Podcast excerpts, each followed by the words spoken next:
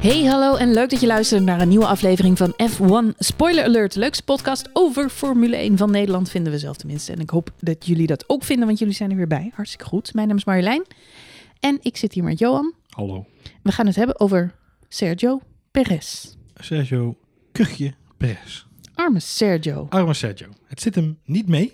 Nee. Je kunt zeggen negatief nieuws, maar dat is het helaas niet. Het is positief nieuws.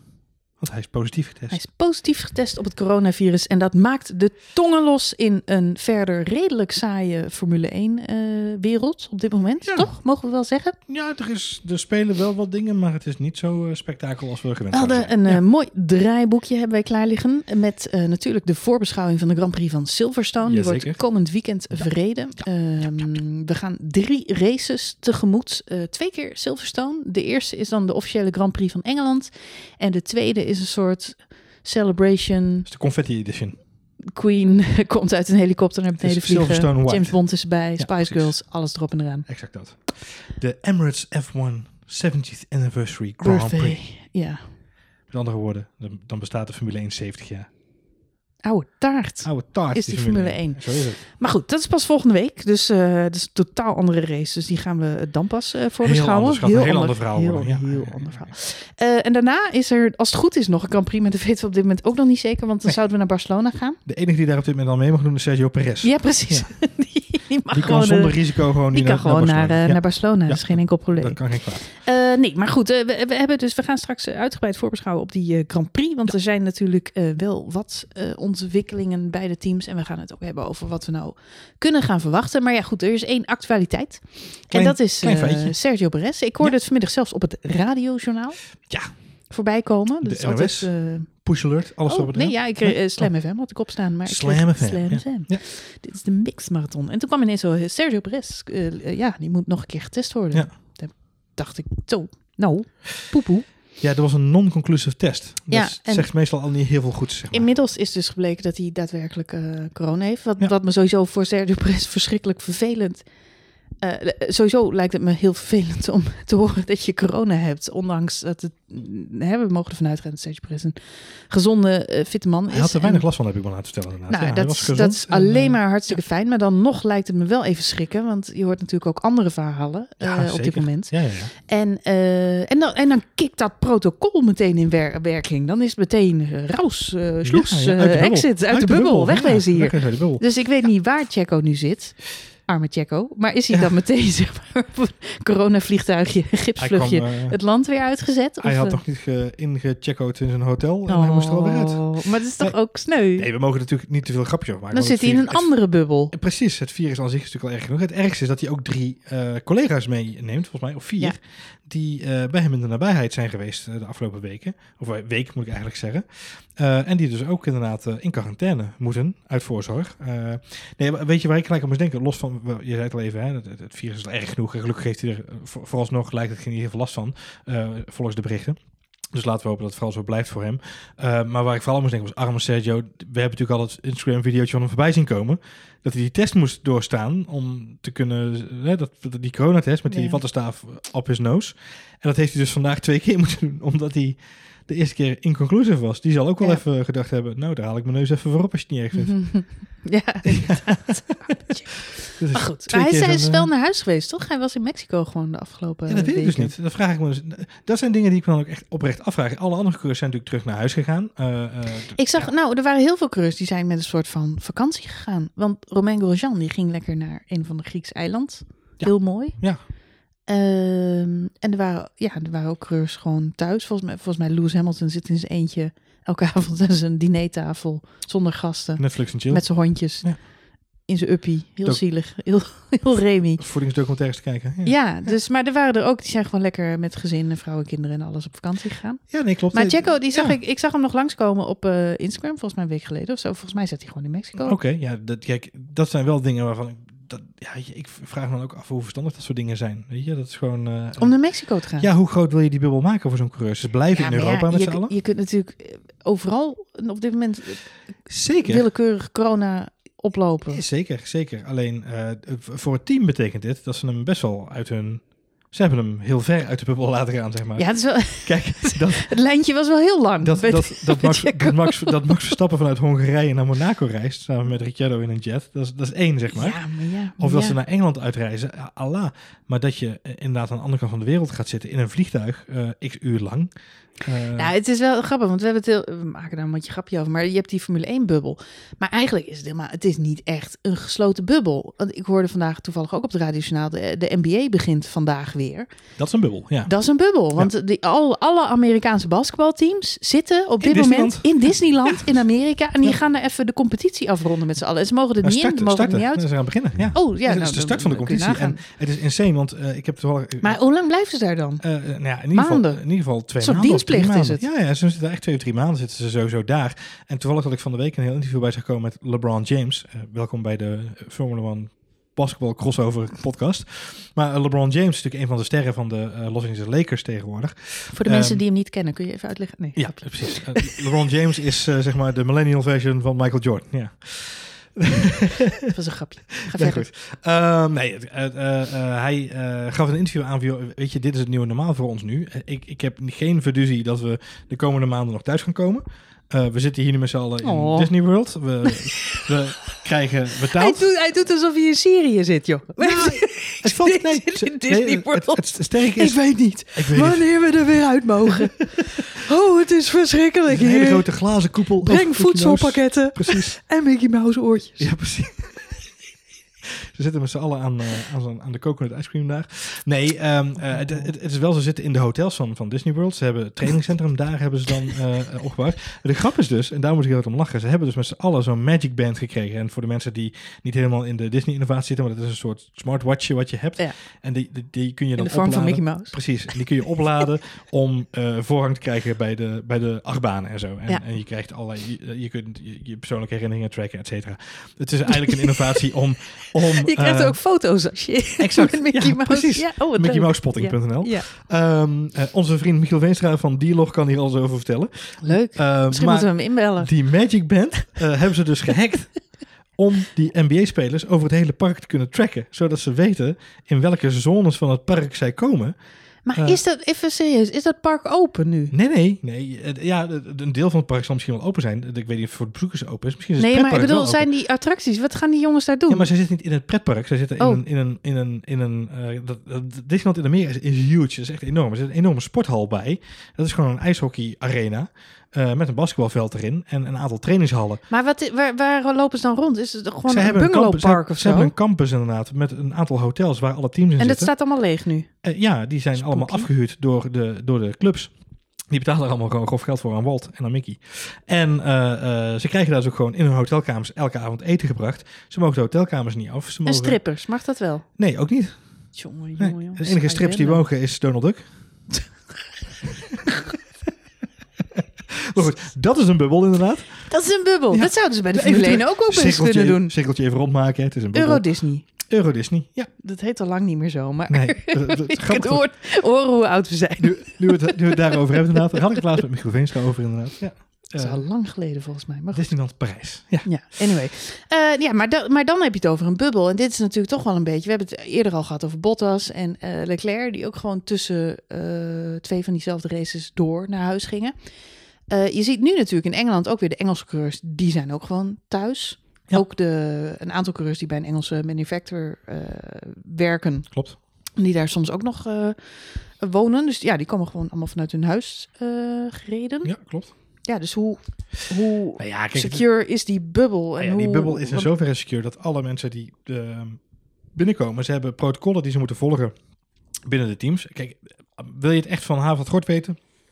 Zouden we iemand moeten spreken die eh, daarmee te maken heeft? Er zijn natuurlijk een aantal Nederlandse journalisten die nu De naar de Chief gaan. Bubble Officer. De CBO. Ehm, er zijn natuurlijk een aantal Nederlandse journalisten die wel naar de races toe gaan nu. Hè? Olaf en Jack zaten ook in het vliegtuig. Ja, die gaan nu ook naar de bubbel.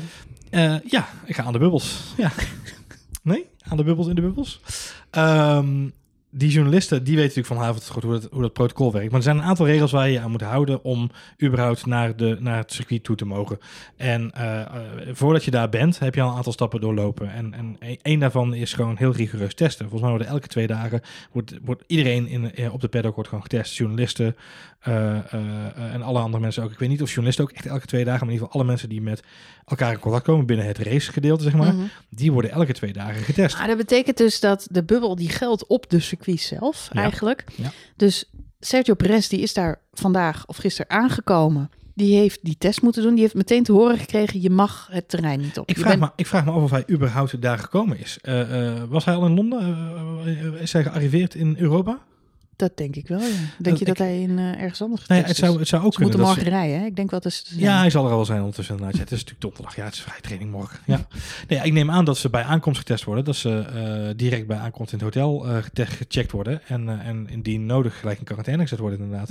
Eh, vandaar ook dat natuurlijk die drie medewerkers van Racing Point... die zullen niet met hem mee geweest zijn naar Mexico. Bij zijn vader en moeder thuis de bank. Nee, ja, goed, je weet het niet. Het zou heel gezellig zijn Je natuurlijk. weet het maar niet. Maar goed, de situatie at hand is nijpend. is nijpend, want eh, eh, de, de, de, ja, er treedt allerlei protocollen treden er nu Ja. in werking. En met name ook de, ja, de mega grote silly season speculatieshow.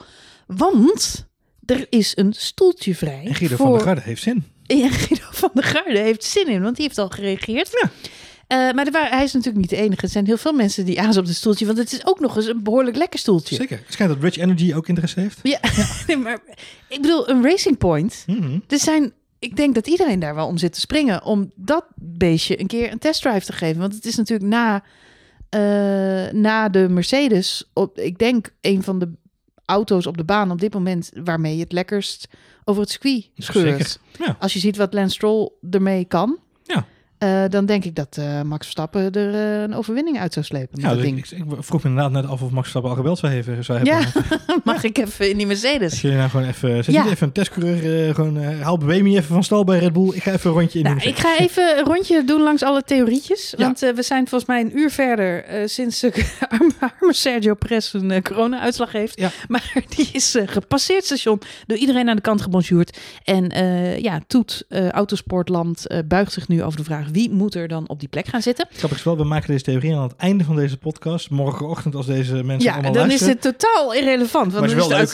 Ja, maar het is wel leuk. Wel leuk, jongens. Wel leuk. Doe, wel eh, leuk. doe ons een Ja, plezier, toch? luister even mee. Ja, Kom, goed. Ehm, de meest voor de hand liggende optie, de, dat, Ja. dat zijn er eigenlijk eh, twee. Ja. Dat is eh, enerzijds Esteban Gutierrez Gutierrez, ja. en dan hebben we Stoffel van Doornen. Stoffeltje. Het zijn allemaal mensen die nu de podcast luisteren en denken, ja, maar dat kan niet wel doen. Dus ik zal het meteen even aanvullen. Er zijn twee problemen Ja. met die coureurs. Eh Stoffel van Doornen. Kan niet autorijden. Nee, Oh. nou, helemaal wel. Die kan zelfs hartstikke goed. Ja. Alleen eh Stoffel van Doornen, die zit niet in Engeland op dit moment. Die zit in Berlijn. Klopt, in een bubbel. In een bubbel. Ja, Want die moet In namelijk een Formule elektrische bubbel. Ja, ja, maar jongen, die moet in een Formule Als hij de E-auto. bubbel uitstapt, wordt hij geëlectrocuteerd. Oh, arme Stoffel. Heeft hij eindelijk een kans om weer in een goede auto een Formule 1 race te rijden? Ja. Eh, zit hij in Berlijn. Dus eh, dat is een probleem, want hij heeft gewoon een Formule 1 race op de kalender staan. En hij doet het daar best aardig. Dus hij, hij moet ook gewoon. eh, Dus nu gaat er iemand anders met daardoor. zijn stoeltje van Doorn. Ja, dat, eh, zo ziet het eruit. En dan hebben we Esteban Gutierrez, wat natuurlijk wel ook een goede optie zou zijn. Eh, waren het niet dat Esteban Gutierrez sinds een jaar geloof ik zijn superlicentie kwijt is? Klein, klein detailtje. Klein detail. Je hebt wel een rijbewijs nodig, ja. Ja, Ja, en dat heeft alles te maken met... Hij had wel een superlicentie. uiteraard. Ja. Ehm, we hebben de regels van de superlicenties nog even uitvoerig eh, nagelezen op de Zeker. via autosport, motomobiel. eh, oh, was je dat het doen? Ja, in het Frans. Ik Dus weet je wat de werk dat Ja, is? wat hoor ik je vloeken, maar... Merde, merde hoorde ik. Maar, Maar goed. Ehm, Nee, ja, eh, Gutierrez die is zijn superlicentie kwijt. eh, als ik het goed heb ehm, eh, uitgezocht. Ja, zijn laatste race was in 2016 voor Haas. Ja, en het is zo dat je gewoon, eh, ja, je moet actueel blijven. Dus je, op, op een gegeven moment dan, eh, dan ben je je superlicentie gewoon weer kwijt. Dat Ja. verklaart ook waarom Alonso aan alle kanten nog van alles doet trouwens. Je punten worden afgekalfd per jaar. Ja. Dus je moet een aantal races, raceklasses moet je rijden. Dan moet je punten in vergaren. En elk jaar worden die punten opgeteld. En dat moet een totaal zijn van 40 Eh, volgens mij. eh, 40 volgens mij. Ja, uit mijn hoofd. We, hebben, we pakken straks even de Franse boekwerk weer bij. maak je geen ja, zorgen. de- ja, heb ze nog bij. Eh, nee, maar volgens mij Ehm, zijn het er 40. En hij is natuurlijk in 2016 voor het laatst in de Formule 1 gereden. Ja, Ja. dat is sowieso Check. een hele tijd geleden. Zij doet wel veel testraces, maar ook eh, testraces, daar moet je dan een aantal rondes voor complementeren. En hij komt gewoon ook niet aan die rondes, want het zou betekenen, mocht hij zondag willen racen, het is nu donderdagavond, dat zou betekenen dat hij nog 300 rondjes in een Formule 1 auto moet maken, voordat hij komende zondag aan de start 300 mag rondjes of 300 300 Kilometer. eh, Dat is een goede vraag. 300. ja, geen idee. Het wel kilometers Ja, zijn. het zijn kilometers volgens mij inderdaad. Dat denk ik, rondje- ja. Rondjes lijkt me vrij eh, Ja, lastig. Op welk circuit? Dan ga ik lekker naar, naar Zandvoort. Tuut, Ja. Volgens mij is het 300 kilometer inderdaad.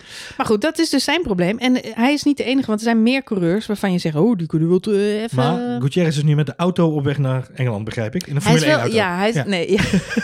het schijnt, het, het blijft wel van alle scenario's, maar we gaan, la- laten we eerst even het rijtje afmaken. Ja, maak het rijtje af. Eh, andere, er zijn ook heel veel mensen die op dit moment eh, de geruchtenmolen voeden. Ja, de, de silly season in, in mini vorm. Ja, het is is een een mini- spectaculaire het avond. Het is dus eigenlijk het een mini silly over. seasontje. Ja, goed. Ja. Nico Hulkenberg. De Hulk. Daar is hij weer. Hmm. Eh, hij schijnt sowieso onder fans toch wel de meest populaire te zijn Ja, om, om weer terug te komen. Hij wordt ook meest genoemd, valt mij op Ja. op eh, Twitter. Behalve Maldonado en ehm eh, Mika Hakkinen. En eh, er zijn nog wat andere namen die gewoon altijd weer terugkomen. maar die gaan ja. het zeker niet worden. Nee. Nee, Nico Hulkenberg wordt veel genoemd. Ehm, omdat het natuurlijk fantastisch zou zijn om Nico Hulkenberg in een roze Mercedes te zien rondrijden. En dan gewoon in zijn ene, ene, ene terugkompoging een podium te zien pakken. Ja. Hoe briljant is dat? Eerst pole position rijden en dan volgens het podium pakken. Dat zou nou, wat zijn. zou dat wat zijn? Wat, wat je namelijk realiseert, is dat zo'n zo'n roze Mercedes is dat, dat, dat- ja, je kunt een cv'tje neerleggen. Dat wil je niet weten. Als je Zeker. iets laat zien, vandaar dat ook voor Stoffen van Doornen dit gewoon, ja, die zal zichzelf Ja. wel voor de kop slaan op dit moment, dat hij in die suffe Formule 1 moet, moet zondag. Ja. En dat hij dus eh, niet even naar Silverstone kan cruisen. Ja. Maar voor, voor Hulkenberg is er een, een soort gelijk probleem, want die, eh, Die zit heeft ook wel in een lekker bak. ja, die, eh, die zit sowieso in Duitsland, want daar woont hij. Maar, eh, dat weet ik trouwens niet, misschien woont hij in Monaco. Maar goed, Hm. hij komt er vandaan. Hij heeft een afspraak aanstaande zondag op de Lausitzring in Duitsland. Ja. Ehm, hij zou namelijk een gastrace rijden bij de ADAC GT Masters. Ja. Ja, Lamborghini. Ja, precies. Wat de meeste mensen misschien wel mee hebben gekregen, dat als Nico Hulkenberg heeft een lucratieve deal gesloten met Lamborghini. Dus waar Stoffel van Doornen in een fucking elektrische auto moet gaan rijden, gaat Hulkenberg aan de andere kant in een eh, eh, benzineslurpende Lamborghini. eh, Ja, maar ik heb wel begrepen, het is een soort, hij heeft nog geen jaarcontract of zo. Het is nee, niet nee, dat het, hij... is, het is een tri- trials. Ja, precies. En Lamborghini Dus- weet nog niet zo, volgens mij niet zo heel goed of ze ook daadwerkelijk gaan meedoen aan die klasse. Dus de vraag is wel even of hij er nog onderuit kan. Jongens, ik- ja, Jongens, sorry, maar ik heb iets. ik, heb, ik heb wel een andere Duitse Riegers, Nico Rosberg. Oh. Die wil ook wel een rondje. nou, Nico Rus, nou, daar heeft niemand het over. Dus Nee, die, die wordt het zeker niet. Oh. Eh, Paul Di Resta wordt door dus sommige mensen genoemd. Ja, die maar is dat er toch al? Die is er toch al. Dat is vaak eh, toch eh, het, het in datzelfde verhaal. rijtje natuurlijk dan Martin Brundle en Ja, David Coulthard kun je ook altijd ja. vragen. Die, Will Buxton schijnt ook te zijn genoemd. Ja, ja, ja, ja. Jackie Stewart, die loopt ook nog steeds loopt rond. Maar alleen uitkijken dat hij niet in slaap valt. Nee, maar precies. Dan, maar die drinkt in principe niet, dus dat scheelt. Nee, dus die kun je gewoon auto Ik zetten. zag overigens deze week, jij zegt dat nu. Damon Hill, eh, ik zag Jackie Stewart de- deze week even een golfballetje slaan. ja. Maar dat deed hij Dat nog... deed hij eh, hartstikke soepel. Patent. Ja, deed Deed hij goed? patent. Ja, zo soepel ben ik niet hoor. Met een golfballetje kan ik je vertellen. Nee, dat heb ik Dat onlangs heb gezien. Onlangs gezien, inderdaad. Ja. Ehm, Alonso Alonso, slaat natuurlijk nergens op, want die heeft bij een heel ander team getekend. die heeft het daadwerkelijk al getekend, inderdaad. Ja, Maar ja, goed, hij heeft wel warm, warm bandjes, zeggen ze altijd, in, met allerlei mensen in de Formule 1. Ja, maar die heeft En hij komt toch eh, volgend jaar terug. Dus Ja, die heeft hij hij dan even... weer niet bij Racing Point, volgens mij. Nee. Volgens mij heeft hij niet zo'n hele Hmm. warme band met Racing Point. Ja. En daarnaast staat roze, dus vloekt heel erg bij zijn Kimoa-logo. Dus Er zijn ook mensen die zeggen, zet Sebastian Vettel vast even in dat stoeltje om uit te proberen. Ik denk dat Seb Vettel het zelf waarom ook niet? erg prettig zou vinden. Want volgens mij is zo'n eh, Racing Point toch een stuk beter te besturen dan een Ferrari. Zeker dit weekend, ja. ja. Dus eh, die zal daar geen eh, bezwaar tegen hebben. Maar volgens mij, dat is nog een ander probleem. Was het niet zo dat Sergio Perez zijn contractclausule 1 augustus afloopt? Ja, 30 juli, 30 juli. Eh, en dat, is was, aanstaande zondag. Ja, dat was een beetje de eh, zaterdag. Ja, dat was inderdaad de Dus pijn, eh, de pijn die we voelden. Ja, ja, ja, dat is de afloop. Dus, de, de- nou ja, goed, ik wil, ik wil niet weten wie er op dit moment allemaal met wie aan de telefoon zit. Volgens mij speelt er van alles. Ah ja, de grap was wel, inderdaad, ik had, we hadden een, een, een, een draaiboekje voor ons liggen. En een van de dingen die ik nog op de backlog had staan voor mezelf Draaiboek was kan in een prullenbak, joh. Ja, dat, dat kan. Dat is gewoon wekelijkse kost. Ik maak het draaiboek eigenlijk ook meer gewoon op onze, om onze glaasjes op te zetten, dat het niet zo klinkt. Veredelde onderzetter elke keer. Nee, eh, maar op de achterkant van het eh, draaiboek, dat lieg ik, want er staat er helemaal niet. Maar daar had ik wel opgeschreven voor mezelf. eh, voor dit weekend geldt ook, Perez moet aan de bak. Want hij heeft het gewoon nog niet laten zien ten opzichte van Stroll. Hij laat in de, in de vrije trainingen en in de kwalificatie zien dat hij in principe de snellere van de twee zou zijn. Maar when push comes to shove, heeft hij een probleem. Want hij heeft het nog niet kunnen laten zien in de wedstrijden tegenover Stroll. Dus dit was zijn week geweest, zijn weekend geweest. En ook volgende week om het te laten zien. En nu Heeft hij corona en hij zit niet meer in de roze Mercedes. zit hij er voorlopig niet meer in die roze Mercedes. Ik want, heb even vooropgesteld, even vooropgesteld, we gaan een triple header in. Ja, Dus de persoon die Ja. nu, hè, even Ja. dat Barcelona doorgaat. Dus de Dat is de vervolgvraag. opgeroepen wordt, ja die gaat drie races mee. dat, dat, die kans is groot. Die, want, moet, die moet drie eh, schone boxshirts inpakken. ja, maar het is gewoon nog niet... eh, het is niet zo dat je volgende week weer coronavrij bent. Nee, Die quarantaine, die duurt hoe lang? nou, je moet Jij moet, verplicht, je moet klachtenvrij zijn je moet klachten en dan zijn. nog twee weken wachten. Precies, want dan... En, Dat ja. betekent dat, dat het om drie races gaat. Ja, en, en met een beetje pech, eh, als het hem heel erg zwaar eh, valt, dan kan het er zomaar tot na de zomer duren voor hem inderdaad. Want er zijn natuurlijk legio verhalen van mensen die zo ziek worden, of ziek blijven, maar het niet doorhebben, eh die het virus wel bij zich blijven dragen, eh, die, die gewoon maanden onderweg zijn. Dus ja, fingers crossed voor Sergio dat het bij hem meevalt. Maar het gaat hem in ieder geval, denk ik, de komende drie races de kop kosten. Maar als iemand in de ziektewet zit, dan mag je hem toch niet ontslaan? Nee, maar weet je niet of ik volgens mij is hij een ZZP'er. ik weet niet dat maar Nee, het was ook maar een grapje. maar ik bedoel, Het verhaal is wel dat contract. Dat, dat- dat- ik had wel verwacht deze week dat er een nieuws zou zijn rondom Sergio Perez. Dus die persconferenties, daar keek ik wel een beetje naar uit. Zo van, nou, Ja, nee, nou, maar dat bedoel ik. Want het zou eigenlijk het weekend zijn waarin bekend wordt gemaakt. Sergio Perez gaat weg bij Racing Point. En waar gaat hij dan heen? En, en Vettel komt. nou, hij bij gaat weg Racing bij Racing Point. En hij gaat nu voorlopig Dat had, in. dat Ja. had eh, misschien morgen of overmorgen. En nu ineens is er dit. Ik bedoel, staat dit ook gewoon de toekomst van Vettel in de, in de, in de weg? En loopt alles nu in de soep? Je weet het niet. Ja, ik weet het niet. We gaan het zien. Voor hetzelfde geld zegt eh, papa Stroll gewoon eh, de show must go on. En eh, gaan ze alsnog gewoon Zo, zeggen... zo, zo hard is Formule 1 wel. ah, het is een harde wereld, Marjolein. Cold, cold world. Wie heb je nog meer op je lijstje staan? Ja, Ik zie een heel lijstje. ehm, ja. Even kijken. wat we ook nog als mogelijkheid Oh, hebben ja, is dus de- George Russell. ja, de aluhoedversie is dit. Nee, dit is, mijn, dit is één van de theorieën die ik zelf eigenlijk het meest viable vind. Ja, maar ik, En dat ik, zet, is- ik zet er wel bij, voordat Ja. je deze theorie doet, doet. Deze theorie eh, is tot stand gekomen na langdurig onderzoek van de FIA-reglementen en het nabij onderzoeken van een fles Prosecco. Dus we nemen hem met een korreltje zout. Nee hoor, ik heb helemaal geen Prosecco onderzocht vandaag. Je bent, je bent, je bent bloedserieus. Ik ben bloedserieus. Oké. Hm, vertel. George Russell Ja, George Russell. eh, zou de voorkeur genieten bij zowel Racing Point Ja. als Mercedes op het moment dat een van hun coureurs door corona niet kan rijden. Dat is al eerder, hè, al een maand Mhm, geleden, toen, mhm. dit, toen het hele Formule Mhm. 1 weer begon, is al een beetje doorgeschemerd dat het logisch... Stel dat Valtteri Bottas Ja. nu corona had, dan moest je iemand i- bij Mercedes neerzetten. Ja. Dan heb je dus Gutierrez en Van Doornen, waarbij Gutierrez dus eigenlijk geen optie is, omdat hij geen superlicentie heeft, wat super weird is. Waarom staat hij dan op de lijst als reservecoureur? dat- Eens. Ja, vond Ja. ik ook heel raar om te Dat, horen. Ja. dat is een raar verhaal. En Van Doornen is hartstikke leuk en aardig, maar die zit in de verkeerde bubbel, want die zit in Duitsland. Ja. En Carmen Electra. Ja. George Russell Ja. is dan een betere optie om in een Mercedes te zetten dan een van die twee andere coureurs. En dan zou dus het scenario zijn geweest dat je George Russell van Williams naar Mercedes haalt en bijvoorbeeld Gutierrez of Van Doornen in een Williams. Williams. Precies. Ja. Mhm. En dat was een beetje Mits zij geen gebruik willen maken van eten. En dat was een beetje het scenario wat eh, in juni, zeg maar, Ja. al eh, geschetst werd. Ja. Dat dat logisch zou zijn. In het nu geval hebben we van het Mercedes. in het geval van Mercedes. Nu Exact. hebben we het niet over Mercedes, maar we hebben het over Racing Point. Roze Mercedes. Roze Mercedes. Ja.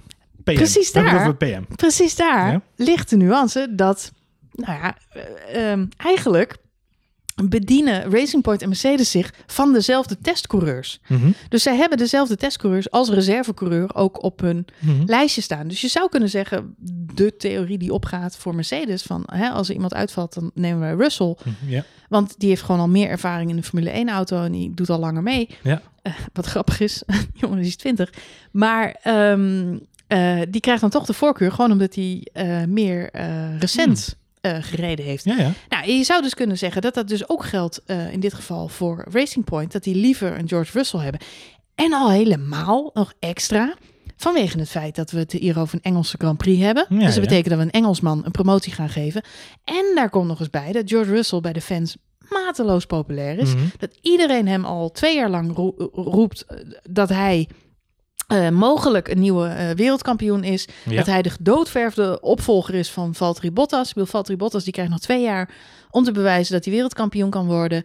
En daarna is het gedaan met Valtteri Bottas. Grappig. Ja. Ja, maar om heel, ja, om heel eerlijk te zijn is Valtteri Bottas gewoon bij Mercedes als de ideale sidekick van Lewis Hamilton. Valtteri Barrichello. Ja. En daar wil je George Russell, het nieuwe talent, niet aan opbranden. Maar iemand als eh Valtteri Bottas, die toch ja, wel wat in zijn mars heeft door podia te pakken, maar niet te veel in zijn mars he- Mhm. heeft om het Lewis Hamilton echt moeilijk te maken. Die wil je dus eh, op dit moment gewoon bij ehm, eh, eh, ja, Mercedes laten zitten. Maar goed, Russell is wel de opvolger, weet je. Hij staat te popelen, hij staat in de startblok. Hij heeft het talent, hij heeft de continuïteit, hij heeft de snelheid. Alle statistieken zeggen dat hij een fantastisch coureur is. Mhm. Hoe tof zou het zijn om hem nu al een keer in een goede auto te zien? Daar zit iedereen op te wachten. En we moeten er waarschijnlijk nog twee jaar op wachten. Bottas heeft bijgetekend. Hij blijft bij Williams volgend seizoen. Dus we kunnen nog niet van George Russell genieten. Maar hoe vet, hoe jongensdroom, hoe meisjesdroom, hoe, hoe iedereen's droom zou het zijn. Om George Russell nu al een keer gewoon als sneak preview, bam, in zo'n snelle auto te zien. En gewoon ook Lance Stroll compleet aan gort te rijden. Om toch even duidelijk te maken, leuk Lance Stroll, leuk wat je liet zien. Maar dit is waar het echt om gaat. Iedereen vindt dat leuk. Ja, Iedereen zit erop te wachten. Behalve Claire Williams. want? Ja, die zit natuurlijk niet op te wachten dat ze de beste coureur even uit, uit Ja, de, hoezo? Die rijdt toch achteraan. Wat maakt Claire nou uit? Weet je hoe tof voor Claire het is om te laten zien dat, dat, dat George Russell zo hard kan rijden? Ja, en daarom heeft ze dat in het contract laten opnemen, dat hij dat gewoon kan. Ja, Nou, dan is er voor... Trouwens, Williams, die, heeft, die hebben helemaal niks te miepen. Want sowieso, Williams, die krijgen van alles. Ja. Dat ze nog bestaan, dat, dat is ook bij de gratie van allerlei eh, sugar daddies en sugar mummies... die, ehm, die Williams een beetje eh, de vleugels in de wind hangen. En één hele belangrijke daarvan is Mercedes. Mhm. Het is niet voor niks dat Bottas daar vandaan komt en dat George Russell daar al zit. En jij noemde hem net al, Jack Atkin is de volgende Engelse coureur die daar onder contract staat als testcoureur en die Ja. er ook gewoon aankomt. Met andere woorden, Williams heeft meerdere opties om Russell te vervangen, want ze kunnen eventueel Gutierrez als hij ergens de komende 48 uur nog 300 kilometer in de Formule 1 auto weet te maken. Ja. En Stoffel van Doornen kunnen ze gebruiken. Maar ze hebben ook nog Jack Atkin gewoon op de bank zitten. En die Ja. heeft wel zijn superlicentie. Ja. Zet dat die Williams komend weekend. Mhm. Dat zou mijn voorkeur hebben hoor. Hop, Russell in een, eh, in een Force eh, Racing Point. Mag niet meer zeggen. en eh, Jake Atkin in een, in een Williams. Top. Ja. Top. ja, een mooi scenario. Ik weet niet of het contractueel ook zo afgestemd is, maar... Ah, rot op joh. Dit moeten we gewoon doen. Bel Toto. Bel Toto. Wacht, ik... eh, hallo, Toto? Siri? Toto. Aan de bak. Toto aan de bak. Nou, we hebben het opgelost. Nou, dus is dat, is dat de cirkel die we rond moeten maken. Sorry dus Sergio. dit Hashtag, weekend... sorry Sergio-. Maar hashtag sorry Sergio. Is er al nieuws? Eh, nee, helaas. Nog steeds geen nieuws. Oké. Ehm, ja, de, eh, de- een klein puntje nog, want Ja. toen we hier zo mee bezig waren, dacht ik wel, hoe zit dit eigenlijk bij de andere teams? Mhm. Want dit, dat dit nu al zoveel vragen oproept, dit was natuurlijk allemaal te voorzien geweest. Ehm, dus ik ben even ingedoken, maar Red Bull Racing, wat gebeurt er nou als Max Verstappen of eh, Albon ineens ehm, eh, ziek, Ja. zwak of misselijk worden? Ehm, zij hebben ook eh reservecoureurs. De, de verwachting zou zijn dat zij werken natuurlijk samen met Toro Rosso. Ja. Dus eh, bij al deze coronagevalletjes geldt een beetje, dat merk je nu ook al, dat je toch een beetje allianties en partnerteams hebben eh, die met Mhm. elkaar gaan samenwerken. Mhm. Dus de kans is groot als bij Red Bull Racing iemand uitvalt, dat ze eerst bij Toro Rosso gaan kijken wie er eventueel gepromoveerd kan worden. En dat zou dan waarschijnlijk Gasly zijn, want Ja. die rijdt gewoon een stuk beter momenteel. Mhm. Om even weer in die Red Bull Racing te gaan zitten. Zou trouwens ook fantastisch zijn. Zeker. Om Gasly weer even... eh, Eigenlijk moesten ze sowieso gewoon eh corona-hussel doen. Elke Ja. week. Ik zou, het, ik zou het niet iedereen aanraden, maar Nou de, goed, de George Russell corona hussel. waarom niet? Maar ehm, eh, dan zit ehm, het eh, eh, Toro Rosso, zeg ik maar. Het is natuurlijk Het is Alfa Alfa Tauri. Ja. Eh, die zitten natuurlijk wel met een probleem dan. Eh, echter hebben zij dan nog de optie achter de hand in de vorm van Sergio Setta Camera. Maar die zou op dit moment in Japan zitten voor de Superformula. Dus die Ja. zit ook in de totaal verkeerde bubbel. Dus ik weet niet wat die mensen dachten toen ze hun reservecreurlijstjes in- invulden. Nou ja, dat is Maar in elk natuurlijk geval niet dat de coureurs uh, is natuurlijk door de geworden met deze corona. Ik zie, Het slaat nergens op, Nee. man. Er zitten allemaal Formule 1-coureurs nu gefrustreerd thuis met hun superlicentie te wapperen. Ja, precies. Hallo, ik, Ik heb kan hem. nog. Ik kan Ik nog. heb hem. Ik kan nog. Ja. Oh man. Eh, dan is er ook nog eh, S- eh, S- Sebastian Buemi. Buemi, die ja. kunnen ze ook nog eh, oproepen. Dus Ja. het is niet heel spectaculair allemaal, maar goed, het zou wel ja, het zou kunnen. een optie kunnen zijn. Bij Ferrari is het helemaal een mooi verhaal, want het is een van de twee Ferrari-coureurs eh, omvalt. Dan hebben zij natuurlijk, wie dan ook, wie, wie niet, wie, wie, wie, wie beter dan Antonio Giovinazzi. Antonio Giovinazzi. Supertalent. Super talent. Zet hem in die Ferrari. Komt helemaal goed. En Nou ja, ehm, op dit moment rijdt hij net zo snel in die Ferrari als in die Alfa. Dus wat dat er gaat, ja, misschien eh, maakt Ja. het niet veel verschil. Nee. En, eh, en bij Alfa Romeo zitten ze dan natuurlijk eh, one man down, want dan zijn ze iemand kwijt. Dus hier geldt ook weer, dat Ferrari heeft ook al gezegd, als bij ons iemand uitvalt, dan halen wij gewoon uit het juniorenteam ja. iemand naar vo- voren. Ik zou dan trouwens voor Kimi Räikkönen gaan, maar goed. Ja, maar die zit niet meer in het juniorenteam. Nee. dat is heel raar. En een seniorenteam. Ja, anyway. Ehm, Alfa Romeo zou dan beroep kunnen doen op Robert Kubica. Ja. Eh, want die is op dit moment testcoureur daar en heeft gewoon superlicentie. Hartstikke tof. Ja. En Marcus Eriksson. Ja, maar zit rijdt, hij geen eh, Indy, rijdt hij geen Indy meer dit jaar? Ja, die zou best wel eens in Amerika in een kunnen andere zitten. bubbel. Die zit ook in de film met verkeerde Maar goed, uh, is er Haas- bij. Ja, Die is, Haas is wel een beetje screwed, want die hebben geen opties. Haas is het haasje. ja. Haas is het haasje. Die hebben niemand opgegeven. Die hebben twee, die hebben twee, nou, die hebben twee eh eh reservecoureurs, maar die hebben alle twee geen superlicentie. ja, Ja. dat was het verhaal, ja. Super handig geregeld. Ja, super Hey, wat ik, weet je wat ik nog de allerleukste eh, eh, dark horse vind bij Ferrari? Wat wel Nou? leuk is, een dark horse, want Ferrari. Mm. Maar de allerleukste dark horse van Ferrari is dat zij naast Giovinazzi dan ook altijd nog Pascal Wehrlein achter de hand hebben. Oh ja, ja, die bestaat ook nog. Ik dacht, hoe dan? Ja, En Vorig jaar was natuurlijk Fiat daar eh, eh, formule, de eh, virtuele coureur, twee jaar geleden alweer tussen. mm. Eh, dat, hij, dat hij daar eh, eh, de, de sim-coureur was. Eh, Ja, anders zou ik zeggen Ocon, maar die zit natuurlijk gewoon in een stoeltje nu. Ja, nee, dus, Ocon. eh, eh, Renault heeft trouwens ook geen reservecoureurs. Jawel, die hebben eh, uit Formule 2 kunnen ze Zoe ophalen. Zoe. Eh, die kan, eh, kan daar gewoon rijden. Mhm. Dus eh, die hebben ze in, in principe achter de hand. Eh, en volgens mij nog één coureur, maar die naam heb ik even niet eh, paraat op het moment. En McLaren maakt ook gebruik van eh Gutierrez en van Doornen. Hey, en Dus er, krijgen het druk. is, er, is er iemand die gebruik maakt van, eh, eh, van Maldonado? Nee, Zonde. jammer, jammer. Jammer. Er zijn al, eh, ik hoor mensen thuis misschien denken van mensen als Mick Schumacher en zo, kunnen die dan niet promotie maken? Maar Mick heeft nog geen superlicentie. Nee, was Had- heel dichtbij. Had hij wel min of meer. Oh. Maar die is hij ook weer kwijtgeraakt. Want zijn, zijn punten, hij rijdt Formule 2. Maar Ja. hij, moet, hij moest vorig jaar moest hij zesde worden in het Oh, ja. kampioenschap. En dat is niet gelukt. Nee. Hij is volgens mij twaalfde of zo geworden. Ah, klopt. Dus, eh, en dat betekent dat ze superlicentiepunten van drie jaar geleden, van vier jaar geleden, die vervielen. Ja. En daardoor had hij weer te weinig punten om dit jaar Formule 1 te mogen rijden. En ja, goed, hetzelfde verhaal geldt volgend jaar weer. Hij moet wel aan de bak. Helemaal out of the box. Zijn er nog andere alternatieven waar we nog niet over nagedacht Nou, hebben? ik dacht aan Bijtke Visser, want die, die was toevallig ook weer heel eh, fanatiek eh, allemaal aan het rijden. En toen Ja. dacht ik, hoe zit het eigenlijk met de dames? Hebben die al superlicentiepunten toestanden? Ja. En toen vond ik een berichtje dat ehm, de dames daar niet zo heel veel aanspraak op maakten, Nee. zeg ik, in de verleden tijd. Want er was vorig jaar natuurlijk wel een eh Formula W, De W-series. Ehm, en ik zie op dit moment daar ook weer veel over te doen, want ze zijn dus wel een virtuele Ja, eh, ze Formule alles, eh, in de sim, ja. W-series aan het rijden. Ehm, e- en wat is besloten, dat is dus nog niet over vorig seizoen, maar met ingang van dit seizoen Zouden? zouden de dames ook superlicentiepunten hebben gekregen voor de races die ze in de Formule Oh. W rijden. Maar goed, er is geen, ze zijn Nee. niet gestart. Ze zouden 20 mei starten in Rusland en dat is niet doorgegaan.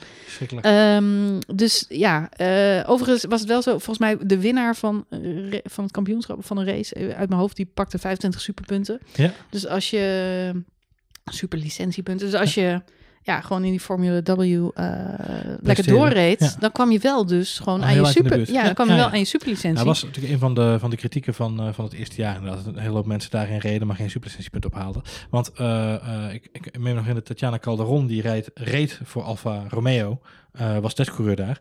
Eh, en die heeft toen ervoor gekozen om niet te gaan rijden in de W-series, maar in de Formule 2. Omdat ze inderdaad superlicentiepunten wilde gaan halen. Ja, wat Eh, logisch is. Wat logisch is. En nu rijdt ze toevallig in dezelfde eh superformula in Japan, waar ook uh, Sette Kamara rijdt. Ah. Uh, ik zat ook nog aan haar te denken van als eventueel alternatief. Maar zij reed voor Arden. Dat is het uh, wat ook gesponsord wordt door BWT. Waar ook, mm. Wat ook hoofdsponsor mm -hmm. is van, van Racing Point. Dus vandaar ja. dat lijntje ook heel kort ja. waren. Maar zij is helaas ook niet beschikbaar. Jammer. Nou, helaas wordt het, het toch ook Martin een mooie Brundle. primeur zijn geweest. Wordt het toch Martin Brundle. In zo'n gek seizoen waar Eddie, van alles gebeurt. Eddie Martin Irvine. Brundle. Eddie Irvine.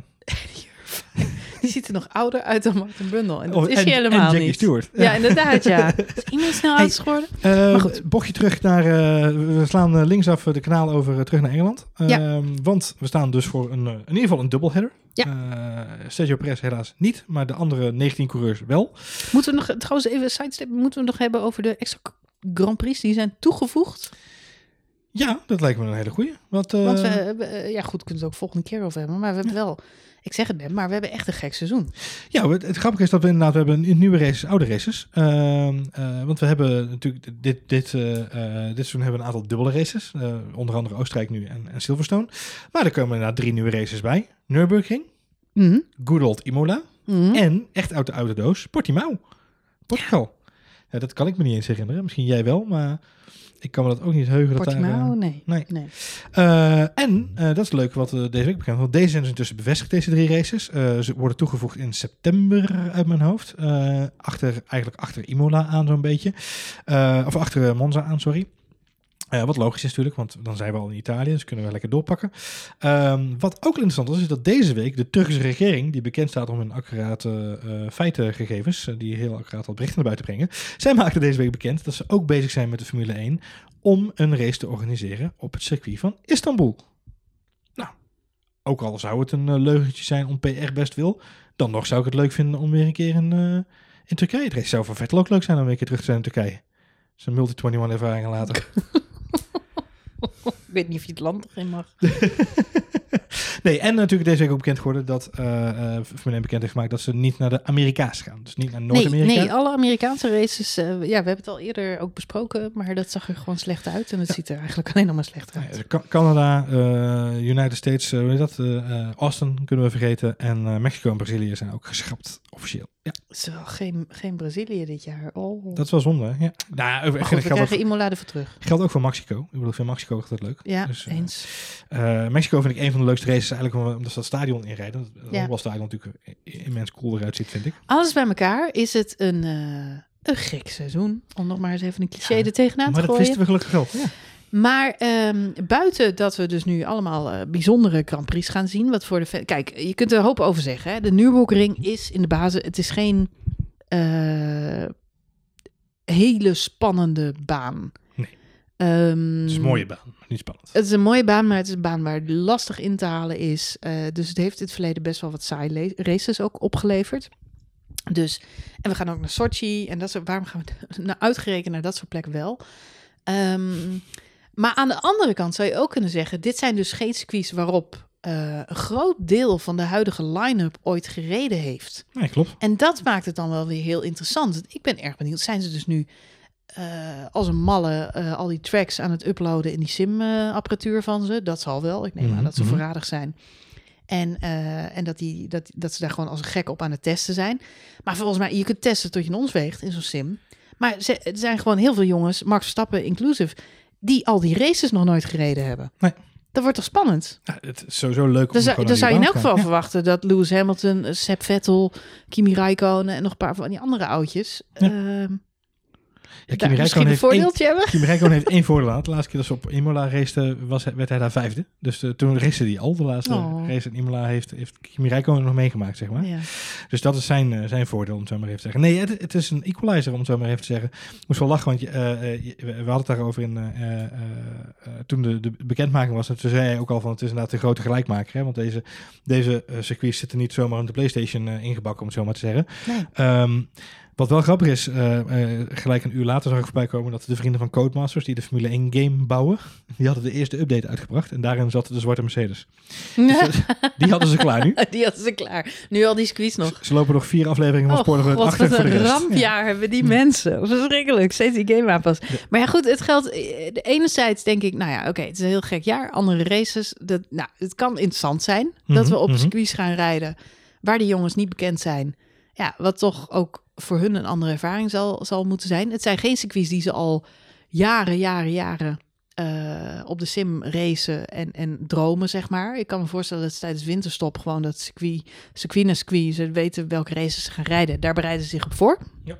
Eh, Nu zullen ze toch wat andere ja, dingen erbij moeten trekken waar ze totaal niet op gerekend eh, hadden. Dus ja, het kan misschien iets interessants opleveren. Aan de andere kant, en dat is waar we het vorige Grand Prix ook al over hadden, zitten we ook wel weer een beetje naar een heel saai seizoen te kijken. En dat heeft alles te maken met het feit dat Mercedes gewoon zo'n voorsprong heeft. Ja. En dat zagen we al in de eerste race van Oostenrijk. En toen zeiden we al tegen elkaar, hoeveel was het verschil? Zes, zestiende? Mhm, mhm. op de rest van het veld. En dat was op een klein minibaantje. En je ziet in Hongarije zie je gewoon dat het seconde is op de rest van het veld. Ja. Eh, de Red Bulls hebben daar weinig eh, bij te zoeken. Eh, ja, met andere woorden. En, en, en eh, Max Verstappen zei het geloof ik ook hè, deze week in een interview. Volgens mij trekken de Mercedes nog niet eens alles uit de kast. Nee, die sparen. Eh, dus kun je nagaan. En Ja. het vervelende is, het vervelende is, volgend jaar zitten we nog een jaar vast aan dezezelfde auto's. Want er mag wel wat geüpgrade worden, maar niet veel. Nee, het probleem is inderdaad dat er eigenlijk niet zoveel verandert. Eh, en dat is natuurlijk de afspraak die de teams gemaakt hebben in, in COVID, eh, corona-periode. Ehm, en er zijn een aantal teams daar echt heel erg slachtoffer van. Kijk, eh, we moeten natuurlijk deze week even afwachten wat er gaat gebeuren bij Racing Point. Oftewel PM, Pink Mercedes. Eh, zij hebben natuurlijk een, een protest aan hun broek hangen vanuit eh, Renault. Eh, en ik vermoed dat als dit protest wordt afgewezen, dat dan volgende week Red Bull een protest indient. En de week erop Haas en de week daarop Ferrari. Want ik denk dat die saga nog wel even gaat voortduren voordat we daar echt een, een, een uitspraak over hebben. Eh, maar er zijn een aantal teams die zijn hier echt, eh, echt de dupe van. En met name eh, Red Bull hebben we het al even over gehad. Ehm, Red Bull zeker, eh, maar met, ja, met name Ferrari natuurlijk. Zij zitten echt in de hoek waar de klappen vallen op dit moment. Ehm, en ze hebben daar ook deze week eh, eh, bij monden van, van de CEO van Ferrari zelf Ja, een behoorlijk statement. behoorlijk statement van naar buiten Ja. gebracht. En eh, John, John Elkann is de baas van Ferrari, overall, dus niet van het Formule 1 team, maar gewoon de CEO van het merk Ferrari. En hij heeft in een vrij uniek... Klinkt niet Italiaans. Nee, dat is een Amerikaan. Uh, uh, maar dat is natuurlijk ook, uh, ja, de, Jeep is tegenwoordig ook een onderdeel van, mm. van de Ferrari groep. Mm.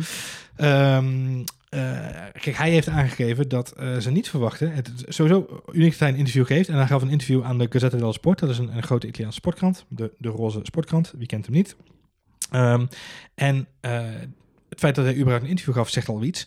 Maar hij gaf daarin ook aan dat hij gewoon niet verwacht dat zijn team competitief gaat zijn voor 2022. Dus hij zegt gewoon, joh, we staan aan het punt, we staan aan het begin van een hele lange weg die we moeten doorlopen.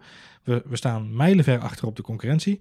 En we gaan het, niet, we gaan het gat niet dichten voordat de, reg de regels veranderd zijn. Zo simpel is het. En ze hebben daar, uh, ik, ik heb het persbericht gelezen van Ferrari. Op de een of andere manier zit ik ook in de Ferrari persbox. Uh, ja. dus ja, ik, krijg, ik, krijg, al die persberichten. Ik heb me daar ooit voor aangemeld. Um, mm -hmm. En nooit meer iets gehoord. Oh. Nee, en ik heb me ook een keer aangemeld voor het mediacenter. Toen kreeg ik een login opgestuurd. Ja. Ik heb één keer in kunnen loggen en daarna nooit meer. Daarna nooit meer. Hmm. Het is een beetje hetzelfde als de strategie zeker naar deze podcast. Ja, um, nee, ik las het bericht en wat me opviel is dat ze een heel verhaal hebben over dat ze eigenlijk van de grond af aan het team weer opnieuw willen gaan opbouwen. Ja. Um, en ze, dat betekent ook dat ze wat dingen willen gaan simplificeren. En uh, een van de eerste stappen die ze uh, namen om de structuur van het team opnieuw vorm te geven, was het het op touw zetten van een nieuwe afdeling met een nieuwe manager en ik weet niet wat allemaal. Ja, dat houdt het simpel. Dat vond ik zo grappig dat je in de persbericht zegt we gaan het allemaal simpeler maken en by the way we richten een nieuwe afdeling op met een nieuwe CEO ja. en die doet. We gaan het allemaal afwa- simpeler ja. maken met de afdeling voor simplificering. Ja, precies. We gaan er nog eentje bij zetten. Heel komisch.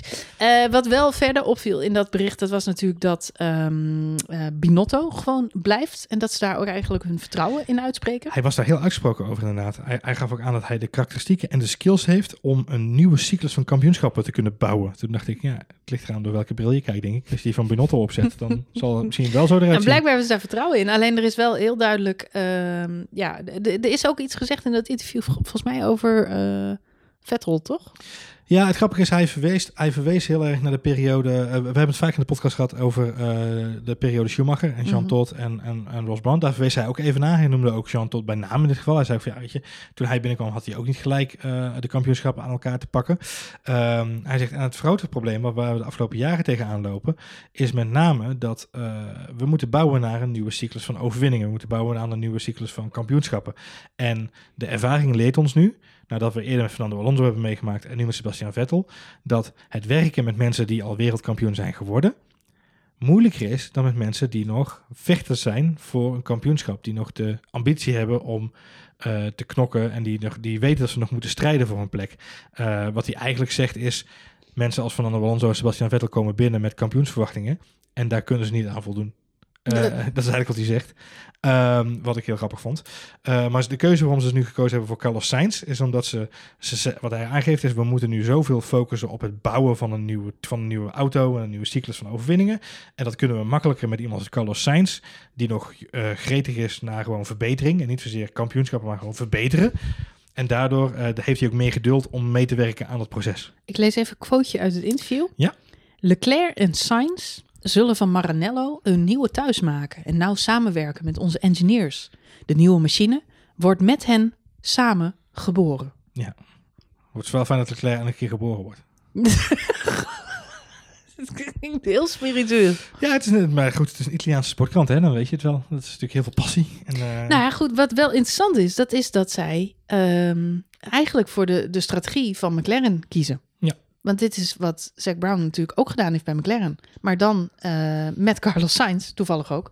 En eh, Lando eh, Norris. Ja, wat ik opvallend vind is dat ze ervoor kiezen om te zeggen we willen een nieuwe cyclus van overwinningen bouwen. We willen een nieuwe machine bouwen die prijzen gaat winnen. En dat doen we met twee jonge coureurs die bekend zijn om het feit dat ze heel weinig input kunnen leveren omdat ze nog jong en onervaren zijn. Dus ja, dat vind ik een hele spannende ontwikkeling. Dat, dat, dat ik denk, ja, weet je, de, de reden waarom je Step Vettel daar jarenlang hebt zitten, is ook omdat hij zoveel ervaring heeft in een Formule 1-auto, dat hij je engineers daadwerkelijk verder kan helpen. Yep. En nu heb je twee jongens zitten van, eh, nou, eentje van 22 en eentje van 25, met best wel veel ervaring al in de Formule 1. Ze hebben best wel wat jaren meegereden, maar het zijn alle twee heren die, nou, met name Leclerc is natuurlijk heel erg afhankelijk van eh, wat zijn engineers hem vertellen tijdens de race, eh, hoe die dingen oppakt. En hij zal ook heus zelf wel input leveren, daar ga ik wel vanuit. Maar het zijn niet alle twee mensen die bekend staan als eh, geboren techneuten en die goed kunnen duiden wat het probleem is met de auto. Nee, ik moet altijd denken, dit, dit zijn ook een beetje de inkijkjes die je krijgt bij Drive to Survive op Netflix en bij Mhm. andere documentaires en bij interviews soms ook. Ehm, en wij, kunnen, wij weten er het fijne niet van. Maar wat vaker gesteld wordt, dat is, er zijn een paar coureurs in deze sport waarvan iedereen van begin af aan roemde eh, hoe eh, goed ze met hun auto zijn, maar ook hoe, hoe, hoe technisch ze eigenlijk eh, ze snappen de sport. ze snappen de sport en ze snappen wat er nodig is om een auto beter te maken. Christian Horner heeft dit vaak gezegd over Max Verstappen. Maar hij heeft dit ook regelmatig gezegd over Seb Vettel. Ja. En daarvoor ook een Schumacher en een Pro- Prost en een Niki Lauda. En er zijn altijd coureurs geweest die ook begrepen Kimi Räikkönen. hoe een auto werkte. Ja, hoe, nou ja, goed, Kimi is dan niet zo communicatief, maar hij snapt wel hoe een auto Ja. werkt. En er is vaak gezegd, aan dat soort coureurs heb je wat, omdat ze je onderaan de streep verder helpen. Ehm, met, met goede input en feedback en, eh, ja, en, en terugkoppeling. Ehm, en ik moet altijd denken aan eh, de, de, de quote van Lando Norris, die een keer met Helmut Marco stond te babbelen ergens op borrel. Dat Helmut Marco hem ook een soort grill eh, gaf. Om even, even zo, zo een paar vragen stellen over Ja. een auto. Zo van, hoe zit stuur, stuurstang en onderstuur en dit. En bijvoorbeeld een paar technische vragen. Ja. Waarop Lando Norris echt totaal geen antwoord had. Want Helmut Marco zoiets had van, oké, bedankt, tot Ja, ziens. precies. En Lando Norris zoiets had van, shit, ik heb gewoon zojuist al mijn kansen bij Red Bull Racing ooit verprutst. De charme van Lando Norris is dat hij dit zelf gewoon vertelt in een Exact. interview. Ehm, maar goed, het geeft wel aan dat, dat eh, ja, in de Formule 1 wordt natuurlijk wel opgelet. Wie zijn de coureurs die ook goede feedback kunnen geven en die mee kunnen bouwen inderdaad aan een goede auto. En dan ben ik wel met je eens. Ja, staan Charles Leclerc en Carlos Sainz daar ook onbekend? Ik durf het niet te zeggen. Ik vind, ik vind Charles Leclerc, als ik hem over de boordradio af en toe commentaar hoor geven, dan klinkt hij zo verbaasd als ja. Oh, jij reed. hij. De, huh, ik snap er niks van. How can this be? Weet je wel, ze moeten hem echt, in, als hij dan uit out-qualified is, dan moeten ze hem dat doorgeven. En dan is hij echt gewoon eh, sh- eh, ja, shell shock dat hij dat hij het niet heeft gehaald. Ja, en dan denk ik- ik, ja, maar je voelt het toch? Je zit toch in die bak? Je weet toch waar het niet trekt? Bedoel, Max die zegt na een kwalificatie, die zegt van ja, onze auto is niet goed genoeg hier en hier en hier. Eh, en hij kan vaak niet eh, specialistisch zeggen waar het hem in zit vanwege de, Nee. eh, de, gevoel, of de gevoeligheid van de informatie. Dus hij benoemt dat dan niet. Maar je hoort wel, Max die heeft precies in de gaten waar het op dit Maar je- moment mis zit met die auto. En dat hij nog niet loopt. in de bewoordingen van iemand in hoe die dingen uitlegt. En bij Max gaat het altijd over onbalans en over eh, hij glijdt weg of hij doet dit of hij doet zus of hij doet zo. En bij, bij Sainz en Leclerc hoor je altijd, de auto doet niet wat ik wil. Ja. Eh, kijk, en Max Verstappen kreeg ook die stuurstang eh, aangeboden na de race afgelopen week in Hongarije. En hij gaven ze dat stuurstangetje aan. En dus Mm. ook zo te kijken, zo, oh, wat is dit nou? Oh, oh, is dit het waar het allemaal om ging? jongen, jongen. En natuurlijk is het niet zo dat die coureurs vanavond het goed hoeven te weten hoe die auto werkt. En het is hartstikke leuk dat Lennon Norris zit te schroeven aan die auto. Ehm, fantastisch, maar hij zal heus niet nu beter weten hoe die auto in elkaar zit. Maar het gaat erom wat voor feedback zo'n coureur geeft aan een engineer om hem beter te maken. En ik heb niet het gevoel dat Charles Leclerc en Carlos Sainz de mensen zijn die op dit moment Ferrari een betere auto kunnen opleveren. Zijn het mensen die eh, op de lange termijn eh kampioenschap voor ze kunnen winnen als ze in een goede auto zitten? Jazeker. Want Carlos Sainz is een hartstikke fijne coureur. En, en ik denk dat het talent van Charles Leclerc duidelijk mogen zijn. Alleen dan moet hij wel een auto zitten die snel genoeg kan. Ze hebben altijd nog Robert Kubica achter de hand, hè? Bij Ferrari? Nee, eh, Robert Kubica, die wordt als een soort eh, F1 whisperer overal waar, ingevlogen. Ja, ja, ja. Want die schijnt dit dus echt als een van de aller, aller, allerbeste te kunnen. Ja. Influisteren waar het niet goed zit met die auto. Je krijgt heel makkelijk zijn vinger achter. Ja. Ja, nou ja, goed. maar bij, bij Alfa Romeo moest hij laatst ook gewoon in die auto gaan zitten. Om te vertellen waar die auto dus beter ik, kan. Ik, ik, vind- ik vind het leukste van, van al het verhaal vind ik altijd eh, eh, het feit dat Kimi Räikkönen, volgens mij was het bij de tests in Barcelona, of was het nou vorig jaar of dit jaar, weet ik niet meer zeker, maar dat Kimi Räikkönen zelf zijn stoeltje uit de auto haalde en met een slijptol begon bij te slijpen, daar waar het stoeltje niet lekker zat. Dat vond ik gewoon hilarisch. Ik dacht, volgens mij is het, ik weet niet of je het allemaal heel goed weet, maar dit vond ik wel een hilarisch beeld dat voorbij kwam. Nee, maar goed, dus die, die regels veranderen, want daar waren we. Die regels veranderen de komende twee jaar, eh, of dit seizoen en volgend seizoen nauwelijks. En ook Red Bull heeft daar natuurlijk wel behoorlijke eh, eh, blaren mee te pakken nu na de eerste drie races, als we heel eerlijk zijn. Want ja, die auto ziet er nou nog niet heel erg stabiel uit. Ehm, moet wel eerlijk zeggen, op het moment als die auto zijn piek heeft, als die in zijn prime is, dan, haalt hij, dan doet Max Verstappen er ook fantastische dingen mee. Maar om hem daar te krijgen, zijn ze volgens mij eh, flink aan het zoeken geweest. En nog steeds misschien wel zoekende. Dus ik vraag me af of ze deze week, eh, ze waren wel een weekje vrij, maar ik weet niet of de engineers van eh, Red Bull heel veel tijd eh, thuis door hebben gebracht. Dat ze met name in de boeken hebben gezeten en de data hebben doorgespitten van dat ding. Om te kijken waar nou het knelpunt zit van die auto, want dat is wel echt een dingetje. Max Verstappen heeft deze week in een interview gezegd dat hij niet denkt dat ze dit seizoen een kans maken op de wereldtitel en ook niet in 2021. Ja. Ook hetzelfde verhaal eigenlijk als Ferrari. Ze hopen dit weekend binnen een halve seconde van Mercedes te kunnen komen. Al verwacht Verstappen dat de Mercedes nog wel sneller kan. Ja. En ze dus nu zuinig rijden. Ja, hij zei, hij zei geloof ik in het interview, eh, het, het kan ook twee tienden zijn, maar het kan ook een volle seconde zijn. Want Silverstone weet je het nooit. En Nee. eh, weersomstandigheden, spelen, weersomstandigheden spelen daar ook mee. En bij Mercedes hebben we nog steeds niet het achtste van hun tong gezien. En dan is er bij Red Bull ook nog eh, Albon. Ja. Waar natuurlijk Die ook geen snelheid. ja, natuurlijk helemaal geen. Ja, Albon of maar- voor Albonov. ja, maar het is sneu. Maar de, als, als Max hem op vijf, eh, vijftiende rijdt. Ah, hij zit Ehm, Albon op seconde. Ja. Ja. precies. Dus Albon heeft helemaal nog moeite om, eh, om, om, om die eh, ja, tijd dicht te rijden. Ja. Ehm, Maar hij heeft een nieuwe engineer. ja, ik begreep dat hij een nieuwe engineer had. Nou ja, een nieuwe oude bekende. Ze hebben Rennie, ze hebben Rennie uit de kast getrokken. Niet voor het maagzuur. Ik wou net zeggen, Nee. voor het maagzuur. Simon Rennie is de oude engineer van eh, Daniel Ricciardo. Eh, is een oude rot in het vak. Eh, heeft Daniel Ricciardo jarenlang bij Red Bull geholpen. Eh, hij had eigenlijk een rol nu op de fabriek. Was minder trackside te bewonderen. Maar ze hebben hem weer uit de mottenballen gehaald om, ja, om Albon te helpen. Om te zorgen dat hij toch wat meer uit die auto kan gaan halen. Ja, als dat de sleutel is, dan gaan we dat dit weekend natuurlijk al meemaken. Dat is natuurlijk een van de dingen waar we dit weekend wel naar kunnen kijken. Van, hoe die man zo reed ervaren. Kan die Albon een beetje het geeft, peper wel, het geven? geeft wel aan dat ze ook Albon natuurlijk een beetje peper in de reet willen Ze stoppen. zijn wel zoekende ze zijn wel zoekende Kijk, bij, naar hoe dat bij ding Ferrari richten ze de krijgen. afdeling verandering eh, management Ja. op. En eh, eh, bij, bij Red Bull hebben ze gekozen om dit keer niet de coureur eruit te gooien, maar gewoon te zeggen, we doen even een wisseling van de engineer. Ja. Ik denk wel dat het een teken is inderdaad, ja. En ehm, eh, los van het wel eens niet kunnen van Albon, want ik ben nog steeds van overtuigd dat Albon een hartstikke goede coureur is. Precies wat George Russell ook zei in verdediging van Albon. Mhm. Die jongen die heeft jarenlang in alle klasses voor de prijzen gereden. Dus het is geen pannenkoek onderaan de streep. Ehm, maar ik denk wel dat ze bij Red Bull zich realiseren van... hey, die tweede auto wil gewoon niet. Eh, los van of dat nou het poppetje is wat erin zit... of de afstelling van die auto... of de manier waarop de, het poppetje wat erin zit praat met de engineers.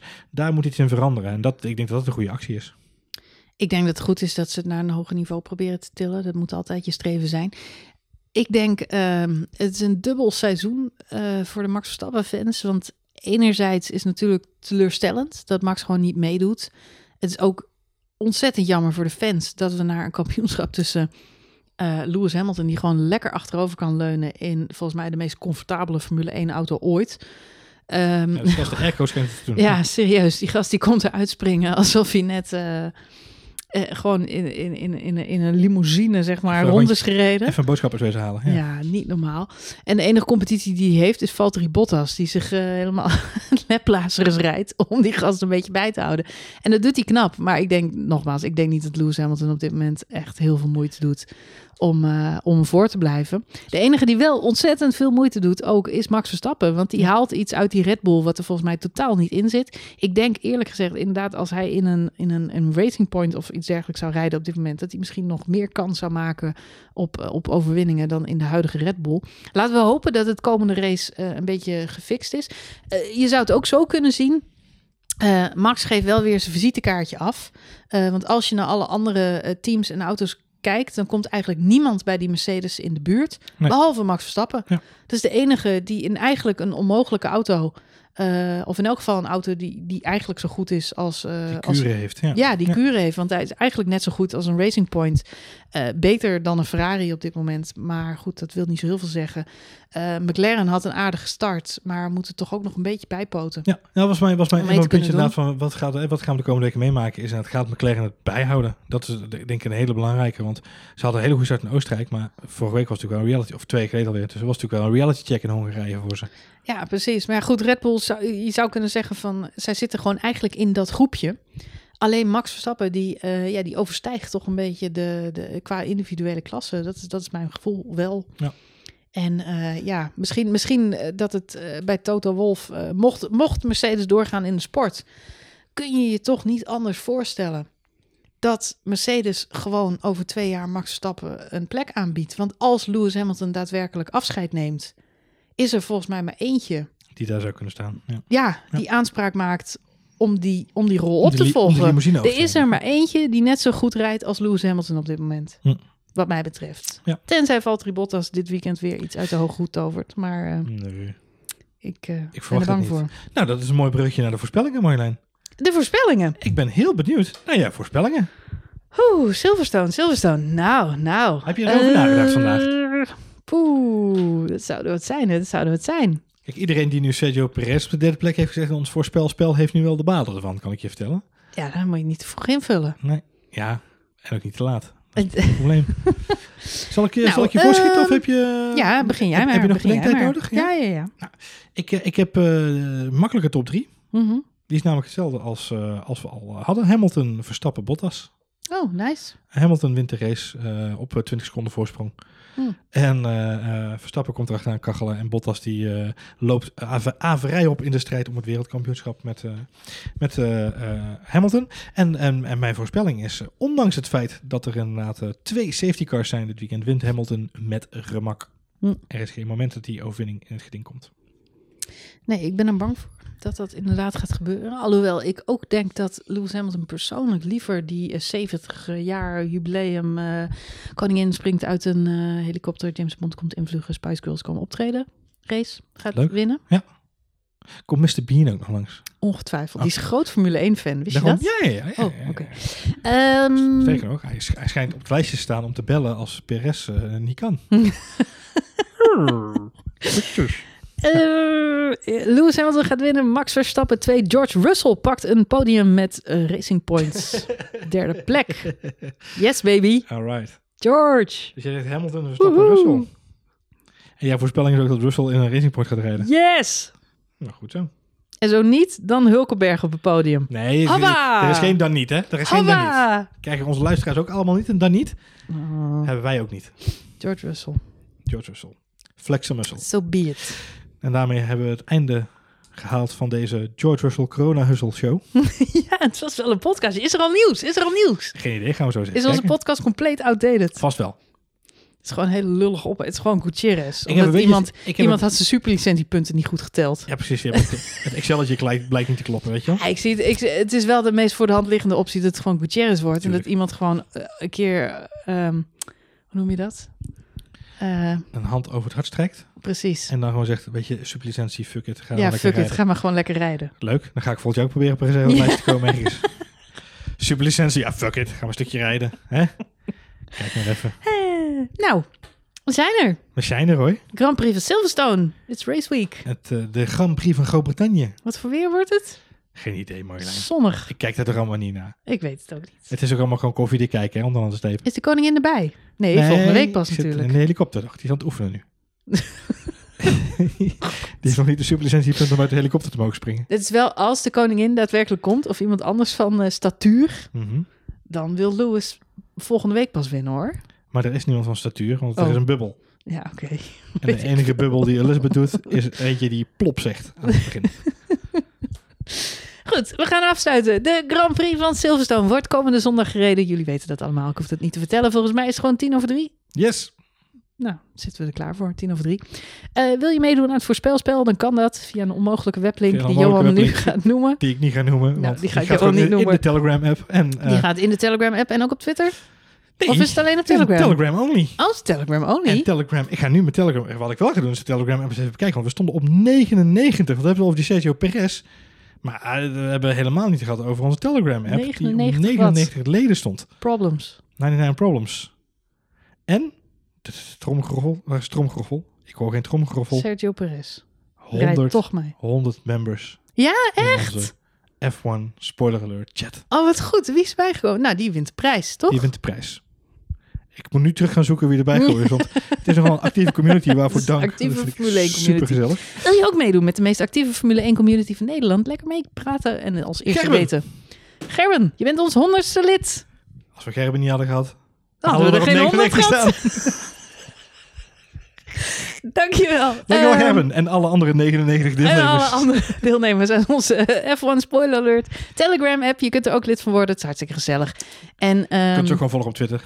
En eh, eh, ja, dat kan F1 ook. Spoiler alert. Dat kan ook. Johan Marjolein. Marjolein. Kijk maar even. Twitter doen we ook nog steeds Ja, dingen. reviewtjes doe ik maar gewoon. Doe dat. Kijk maar. Eh, deze podcast is te beluisteren straks. Check. Vink. Dank je. Nee. Ik probeer naar een einde toe te werken. Ja, dat probeer je nu al vijf minuten lang. Dus Ja, dat gaat best goed. Tot Dankjewel voor het luisteren. Tot zondagavond. Ja, waarom ook niet? Bedankt voor het luisteren. En eh, tot zondagavond.